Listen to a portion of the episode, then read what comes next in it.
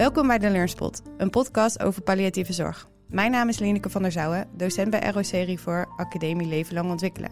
En samen met José van Dijk, werkzaam als verpleegkundige bij Stichting Zorgcentra de Betuwe, gaan we met verschillende gasten in gesprek over uiteenlopende onderwerpen omtrent palliatieve zorg.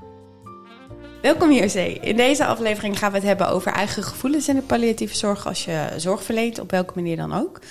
Um, hoe sta jij daarin? Ja, er zijn ontzettend veel uh, uh, verschillende gevoelens en verschillende situaties. En iedereen reageert weer anders op iedere casus. Is er een casus die jou het meest is bijgebleven? Zeker. Um, ik weet dat ik net klaar was met school. Ik had een meneer in zorg niet zo heel veel. Het was een zomer. Dus jij kan je voorstellen dat je met veel te weinig mensen staat. Ik was de enige verpleegkundige met twee helpenden van het vaste team. Um, en die meneer die had een darmtumor, had niet heel veel zorg, want zijn vrouw deed het meeste. Um, en ik was net klaar met school. Dus je voelt je ontzettend onzeker of je wel het goede doet. Ik werd gebeld op een vrijdagavond dat die meneer aan het overgeven was. Um, en dat bleek ontlasting te zijn. Hij zat uh, helemaal verstopt. Um, waarschijnlijk door een darmafsluiting vanwege de tumor, maar dat wisten we op dat moment nog niet. Um, je gaat daar zorg verlenen en uh, uiteindelijk via met de huisartsenpost besloten... die meneer die moet uh, ontlast worden, hè? er moet een klisma komen. Familie is dat gaan halen en ik heb meneer uh, tot ziens gezegd. En hij draait zich nog om, want hij sliep heel veel... want hij was alleen maar aan het overgeven en slapen. Toen zei hij, Lineke, ik weet zeker dat jij een hele goeie gaat worden... Dat is het laatste wat die meneer tegen mij heeft gezegd. Want hij is daarna weer in slaap gevallen. Ik ben s'avonds nog terug geweest. Um, toen sliep hij. Toen heb ik hem dus ook niet meer ontlast. Omdat ik dacht, hij slaapt nu. Bel maar als hij wakker is. En de volgende ochtend was hij overleden. En dat had zoveel indruk op mij gemaakt. Omdat die mans laatste woorden waren... Ik weet zeker dat je een hele goeie wordt. Uh, terwijl je eigenlijk als beginnend verpleegkundige... daar ontzettend onzeker staat. Omdat je denkt, ik wil het goede doen. Maar het, ik weet niet of het wel het goede is. En doordat die man dat zei, kreeg ik een bevestiging dat ik het goede had gedaan. Maar zo voel je je niet altijd. Dus, Mooi. Ja, er komt heel veel gevoel bij kijken. Maar nu zijn we natuurlijk vandaag niet alleen. Nee. Uh, wij hebben twee gasten uitgenodigd. Uh, Hanneke van Genen is gastvrouw bij Zorgcentra de Betuwe. Die werkt op een afdeling. Sandra van Ommering, kijk, geestelijk verzorger uh, bij Zorgcentra de Betuwe. Um, Sandra, mag ik met jou beginnen? Ja. Jouw gevoel in de palliatieve fase, hoe ga jij daarmee om? Nou, ik denk dat je, dat je sowieso geraakt mag worden. je bent een mens, dus dat gevoel dat mag er zijn. Want jij uh, uh, bekijkt dat anders. Heb jij ook een, een situatie waarvan je denkt... oh, die heeft heel veel met mijn gevoel gedaan? Ja, ik denk iedere situatie wel. Um, dat verhaal wat jij net vertelt, ja, dat, dat, dat dat raakt, hè, zoals je het net vertelt, dat raakt mij meteen. Want dan denk ik, jee, wat geeft die, die man jou een mooi cadeau hè, Absoluut. op zijn sterfbed. Dus ja. prachtig. Ja, nee, ik denk dat, dat, uh, dat je, iedere casus je wel geraakt wordt. Ik denk als je niet meer geraakt wordt, als je daar niet meer bij mag voelen, dan ben je volgens mij niet, uh, niet goed bezig. Hè? Nee. Natuurlijk heb je ook professionele afstand. Maar je moet zeker ook je hart openstellen. Hè? Toen ik dit gisteravond even aan het voorbereiden was, las ik een hele mooie zin. Stervende begeleiden is je hart openzetten om aan te voelen wat de ander wil. Heel mooi. Ik denk dat ja. die heel passend is voor uh, inderdaad als je niet open staat, dat je ook de zorg inderdaad niet, de stervende niet kan begeleiden. Ja. ja. Want doe jij veel in stervensbegeleiding? Um, nou, niet elke dag. Maar toevallig vanmorgen ben ik bij iemand geweest die stervende is. Dus het komt wel regelmatig voor, ja. ja want jij bent geestelijk verzorger. Um, wat zijn dan jouw taken als uh, in die begeleiding? Um, het is niet zo dat ik bij elk stervensproces ben. Hè. Er moet maar behoefte zijn aan een geestelijk verzorger. Soms is dat omdat iemand uh, gelovig is en een afscheidsritueel wil aan het uh, sterfbed. En soms is dat omdat je al een heel tijdje met iemand mee hebt gelopen, uh, waardoor je ook in dat stervensproces uh, iets kan betekenen. Als we dan kijken naar, uh, ik als verpleegkundige, José als verpleegkundige, waarvoor kunnen wij jou nou inroepen? Ik denk dat het sowieso belangrijk is dat de cliënt op de hoogte is dat er geestelijke verzorging is. Hè? Daar begint het eigenlijk mee. En dan is het vaak de behoefte van de cliënt aan een geestelijk verzorger uh, om te begeleiden bij ja, het loslaten van het leven, balans opmaken van het leven, terugkijken op het leven. Uh, moet er nog iets gedaan worden? Moet er nog iets gezegd worden? Moet er nog iets goed gemaakt worden met ja, familie? Kan dat nog? Hè? Uh, soms ook bij angst, als mensen heel erg bang zijn. of bij een afscheidsritueel in de eerste twee podcasts ook heel erg over welke gevoelens mogen er nu zijn. Hè? Kunnen we jou bijvoorbeeld ook vragen om mee te denken als er voor ons als uh, verpleegkundige, verzorgende, welke zorgmedewerker dan ook ja, uh, een gevoel is wat je eigenlijk wil uiten, hè, maar waar je eigenlijk met elkaar als team ehm, ja, niet helemaal uitkomt, zeg maar. Ja, je bent er niet alleen maar voor degene die die gaat overlijden. Maar zeker ook uh, voor de collega's, voor jullie, om te ondersteunen hè, als, je, ja, als iets je heel erg raakt, een situatie. Maar ook voor de familie daaromheen, want die zijn ook al bezig met, met afscheid nemen. Die zitten ook in een rouwproces. Uh, en daar ben je zeker ook uh, ja, voor. En, en kan het dan zeg maar ook zo zijn dat op het moment dat eigenlijk um, de cliënt zelf niet heel erg de behoefte heeft uh, aan een geestelijk verzorger, dat we je bijvoorbeeld wel mogen benaderen voor um, hè, bij, in begeleiding voor cliënt, uh, naaste en familie bijvoorbeeld? Jazeker. Ja, ik denk dat dat vaak. Er is nu toevallig een casus, weet ik, hè, van een, een cliënt die eigenlijk geen behoefte heeft aan geestelijke verzorging ik ga dan wel af en toe langs om gewoon even te vragen hoe gaat het met u. En soms ontstaat er dan een gesprekje. Maar het kan wel heel goed zijn dat de familie om deze cliënt heen, en ik begrepen dat dat zo is, moeite heeft met uh, de geslotenheid uh, van moeder. Hè? Daar toch niet over willen praten, het een beetje afhouden, het hebben over het levenseinde. En in, in dat geval ja, kan ik denk ik de familie ook goed bij staan ja, daarin. Ja, want mooi. De dochter heeft wel behoefte om, uh, om het gesprek met moeder aan te gaan. Ja. want soms is dat best ingewikkeld. Hè? En die laatste levensfase waarbij je eigenlijk iemand ziet die heel erg gesloten is.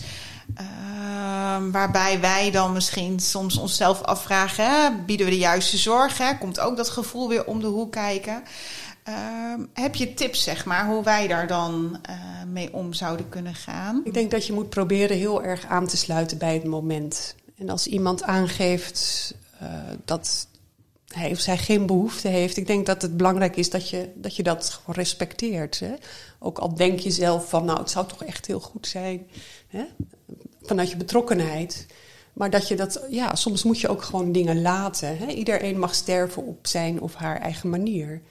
En als iemand altijd een gesloten persoon is geweest, of een nuchter persoon, of hè, daar geen behoefte aan heeft, dan, dan, is dat ook goed, denk ik.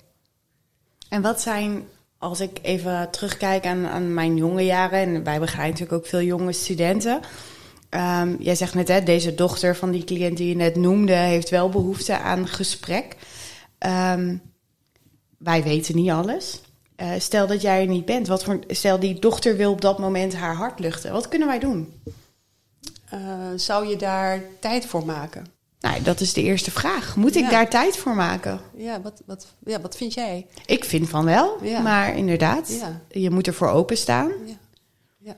Maar wat kunnen we meegeven aan de mensen die net in de zorg werken, daar nog geen ervaring mee hebben?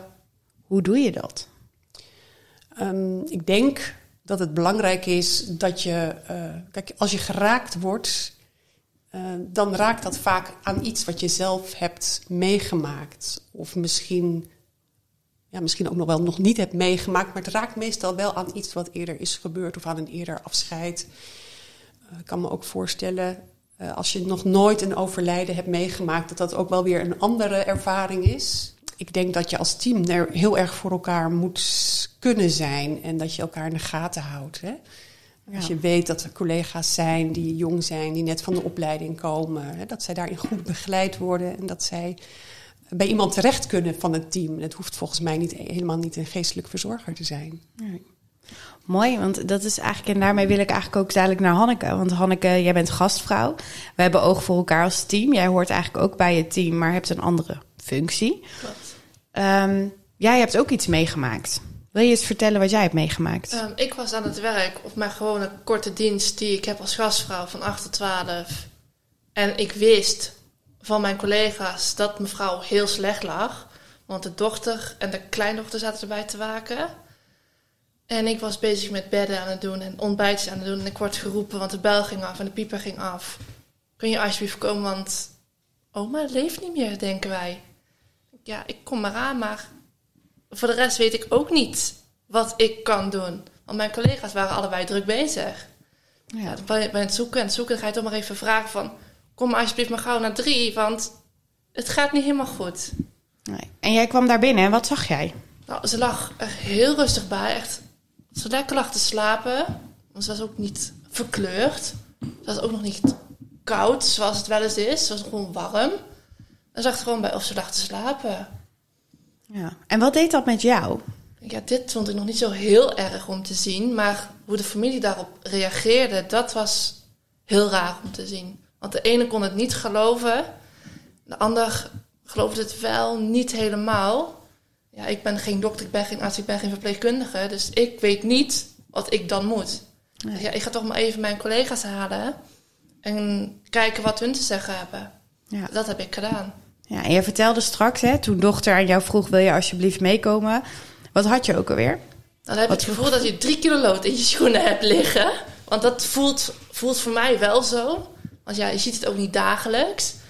Maar ik ben meegegaan met haar. Want ja, je wilt er toch voor ze zijn. Ook al ben ik niets speciaals.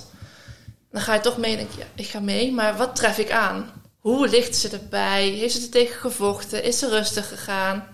Dat weet ik uit eigen ervaringen van mijn eigen familie. Dat mijn oma er tegen gevochten heeft. Dat weet ik van mijn moeder. Daar ben ik ook niet geweest, want dat wist ik. En dus daarom ben ik daar niet geweest. En bij die mevrouw was het, ik ben er geweest. Ze lag er heel rustig bij. En toen heb ik het overgegeven aan mijn uh, collega's van, nou is het voor jullie, want ik weet het niet meer wat ik nu moet. Was dat ook de eerste keer dat je iemand uh, zag die overleden was? Nee, ik heb er wel meerdere gezien op de afdeling. Ja. Ik heb er nog wel eentje, daar had ik echt een hele goede band mee. Dat was mevrouw Dag op kamer 10. En die mevrouw was echt zo lief en zo leuk. Ik mocht haar bij de voornaam noemen. Ze was helemaal blij. Ik zei ja, ik heb een boek over Zeeland, want daar hield ze van. Heeft ze van mij geleend, heeft ze gelezen. Ze was er helemaal blij mee. Binnen een dag had het uitgelezen. Ik heb je goed je best gedaan. En ik kom in januari weer bij haar terug, want ik wist dat ze ook ziek was. Had ze op de dag was een heel gesprek met haar familie, dus ben ik daar niet geweest. En ik kom een paar dagen later bij haar binnen. Ja. Zie ik er ook zo liggen dat het niet meer gaat. Mevrouw was, lag een adem te happen en daar vond ik een heel eng gezicht. Ja. Toen ik te horen kreeg dat zij was overleden, heb ik echt zijn huilen op de afdeling. Want ze was zo lief. Ja. had zo'n goede band mee. Denk, mm. niet te geloven. Nee, heel mooi dat je dat zegt, Hanneke. Want ik denk dat voor iedereen heel herkenbaar is dat als je met de ene heb je gewoon een betere klik als met een ander. En dat het dus ook inderdaad voor jezelf ook heel veel emoties teweeg brengt. Ja. Heb je het gevoel dat jouw collega's jou goed hebben opgevangen? Die op die dag er waren, hebben hij even met me over gehad. En toen moest ik of het weekend of die maand erop weer werken. Toen ben ik aangesproken door een andere collega van hoe is het met jou?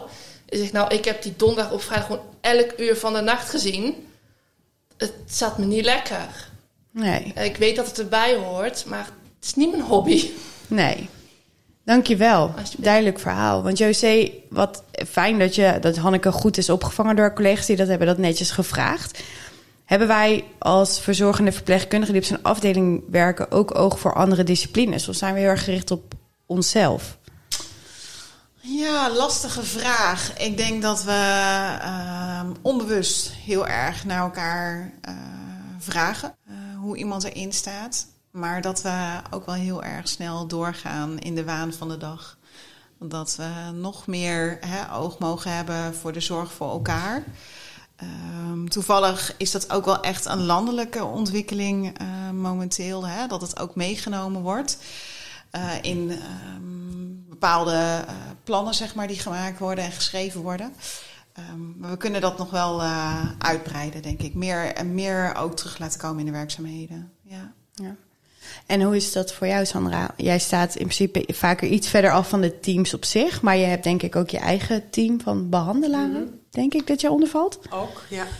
Uh, hoe gaan jullie daarmee om? Ja, het hoort bij het werk. Niet dat je daaraan wendt, um, maar ja, je weet, we verzorgen bijna 120 uh, eh, ouderen, meest ouderen. En bij ons overlijden per jaar bijna 80 cliënten. dus je bent, ja, het is eigenlijk alleen, niet alleen op de afdeling, uh, de stroming uh, in de Beatrix, maar eigenlijk het hele huis, alle PG-woningen, somatiek. Het is eigenlijk allemaal palliatieve zorg die je verleent. Ja. En mensen komen ouder binnen, zijn dus zieker, dus wonen korter bij ons. Dus het is ook, um, nou niet een gewenning, maar ja, dit is wel de weg eh, waar, waar de bewoners naartoe gaan. Ja, het is ook niet meer ongewoon of zo. Nee. Ehm, ik denk dat het dat, maar, maar dat we daar onvoldoende. Uh, ik zeg niet dat we onvoldoende aandacht hebben daarvoor. Maar het is denk ik wel iets wat we misschien relatief snel uh, achter ons laten weer. Ja, ja, wat je zegt, je moet we weer hebben er aandacht voor. naar de volgende. Het is wel goed om erbij stil te staan, denk ik. En het ene team heeft daar misschien meer rituelen ook bij. Hè? Ik denk dat dat ook helpend is. Uh, een foto te plaatsen in de woonkamer, een kaarsje erbij, ook andere bewoners erbij betrekken. En ik denk dat dat ook helpend is bij het afscheid nemen. En, en andere teams, uh, ja, die, die doen dat anders of misschien ook niet. Ik denk als je daar meer aandacht voor zou hebben, als teams uh, daar ook op die manier aandacht aan zouden besteden, kan ik me voorstellen dat ja, dat, dat afscheid nemen ook um, uh, makkelijker maakt. Ja. Dat, die, dat gevoelens daar ook mogen zijn. Ja, en ik kan me herinneren dat wij, ik heb ooit met mijn collega's samen voor een wat jongere vrouw gezorgd hè, uh, op de palliatieve unit. En we hebben echt met elkaar afgesproken dat we aan het einde uh, van de dienst even een moment namen. Hè. Dus op dat moment zijn we doorgegaan, maar aan het einde van de dienst hebben we het echt samen even doorgesproken. En merk je eigenlijk dat je hele andere verwachtingen had voorafgaand aan het uh, overlijden, hè, dan dat eigenlijk daadwerkelijk achteraf blijkt. Maar je hebt er wel aandacht voor gehad. Hè? Dat, dat het dan uh, anders is gelopen en dat je er andere gevoelens bij had dan dat je verwacht had, is ook oké. Maar dan heb je wel aandacht voor elkaar gehad. En dan weet je van nou, hè, uh, het is oké. Dus dan kun je ook gewoon rustig doorgaan. We hebben nu recent afgesproken met elkaar als team, maar een team waar ik in werk om het echt als herhaaldelijk puntje in de teamvergadering terug te laten komen. Hè? Van goh, zijn er dingen die iemand nog graag wil delen uh, ten aanzien van het overlijden van een cliënt of een casus die echt wel heel complex is. Uh, gewoon even zo'n momentje om toch met elkaar stil te staan bij en een ieder de gelegenheid te geven om, om het met elkaar te delen. Ja. ja. Krijg vaak van zeker jonge uh, studenten krijg ik de vraag: mag ik huilen? Mag ik huilen als een cliënt overlijdt? uh, waar ik heel veel mee heb. Uh, mag dat in bijzijn van familie of niet? Wel benieuwd naar jullie visie. Mag je huilen als verpleegkundige of verzorgende bij een overlijden? Denk, hè, als ik naar mezelf kijk, is dat zeker iets wat mag. Um, ik zou daarin misschien, hè, um, en ja, iets wat spontaan gebeurt kun je niet tegenhouden, denk ik. Ik weet niet hoe jullie daarin staan, maar dat is denk ik zeker uh, een feit. Uh, ik denk ook naarmate dat je meer meemaakt, dat je uh, visie daarin verandert. Net als we eigenlijk nu zeggen hè, dat het niet ongewoon is dat je iemand ziet die is overleden. Naarmate dat je langer in de zorg werkt, uh, ga je, gaat je visie daarop veranderen. Althans, dat is in mijn situatie zo. Ja. Ehm, ik probeer studenten altijd wel voor te bereiden. Als je weet dat iemand uh, in de laatste levensfase verblijft. Van goh, hè, dit kun je verwachten. Uh, zie je dat al zitten uh, om met me mee te gaan? Dat je in ieder geval iemand daarin meeneemt, hè, maar dat je ze ook de keuze geeft. Ja, lastig. Weet ik niet zo goed. Wat vinden jullie daarvan? Eigenlijk oh. hoor ik jou zeggen, vanuit jouw perspectief... ja, als het gebeurt, dan gebeurt het. En je leert er vanzelf een beetje beter mee omgaan. Heel zwart-wit. Uh, maar inderdaad, wat vinden jullie? Hanneke, wat vind jij? Mag je huilen als een cliënt overlijdt in bijzijn van familie? Heb ik wel gedaan toen die mevrouw overleed op kamer 10. Want die familie kwam net zijn hand geven, dus netjes condoleren. Ze ja, ze was echt zo'n lieve vrouw. En ze sprak ook echt vol liefde over jou. Dan breek je gewoon op sommige momenten. Ja. Ik wel dan, in dat ja. opzicht. Ik, ik kan wel hard als steen zijn, maar er werkt averechts tegenover de rest. Ja, dus jij zegt eigenlijk, ja, het mag... mag wel een beetje emotie laten gaan, maar het moet niet je dag beïnvloeden. Nee, oké. Okay. Het liefst je dan die kamer, in mijn gevoel. Maar je moet er toch heen, of je wilt of niet. Ja. Maar ik vind wel, je mag best een traantje wegpinken. Dat mag best. Ja. ja je hebt toch voor ze gezorgd. Je hebt toch een band proberen op te bouwen. Dus Hanneke, zegt ja, je mag best een traantje laten als je een klik met iemand hebt. Ja, vind ik wel. Super, dankjewel. Voor jou, Sandra? Ja, zeker. Je, je, je mag laten zien dat je geraakt bent. Maar ik denk wel, als je merkt dat je heel erg overstuur wordt of bent, denk ik dat je je wel even terug moet trekken. Hè? Dat niet dan de, alle aandacht naar jou gaat. Hè? Het gaat nog steeds om de cliënt en de familie. Dus dat, dan zou ik me, denk ik, even terugtrekken als me dat zou overkomen.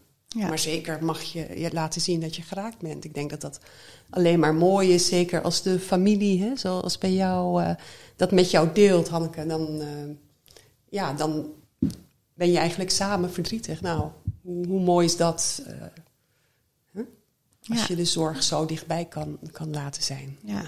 Daar sluit ik me ook helemaal bij aan. Ja, want mooie aanvulling. We, we vergeten soms dat wij ook mensen zijn. Uh, zeker in de tijd van corona, die we net, uh, nou ja, nog steeds eigenlijk een beetje hebben, al die superhelden. Maar wij zijn niet alleen superhelden, wij hebben ook onze eigen emoties en gevoelens. Um, en daar hoort soms een traantje wegpinken, hoort daarbij. Maar inderdaad, mijn advies is ook: ben je heel erg overstuur, uh, zorg dan dat je even jezelf terugtrekt. Dat is ook meestal mijn antwoord, dus mooi. José, ik denk dat we hier nog eigenlijk uren over door kunnen praten. Ik denk dat we het belangrijkste uh, boodschap hebben laten horen. Hè? En dat is uh, verdriet mag er zijn. Ja. Ook voor ons als professionals. Ja. Dan wil ik met name Hanneke en Sandra wil ik jullie enorm bedanken voor jullie aanwezigheid en jullie inbreng. Graag gedaan. Dank jullie wel. Bedankt voor het luisteren. Wil je meer weten over palliatieve zorg? Volg dan deze podcast of ga naar www.rocrefor.nl slash leven lang ontwikkelen.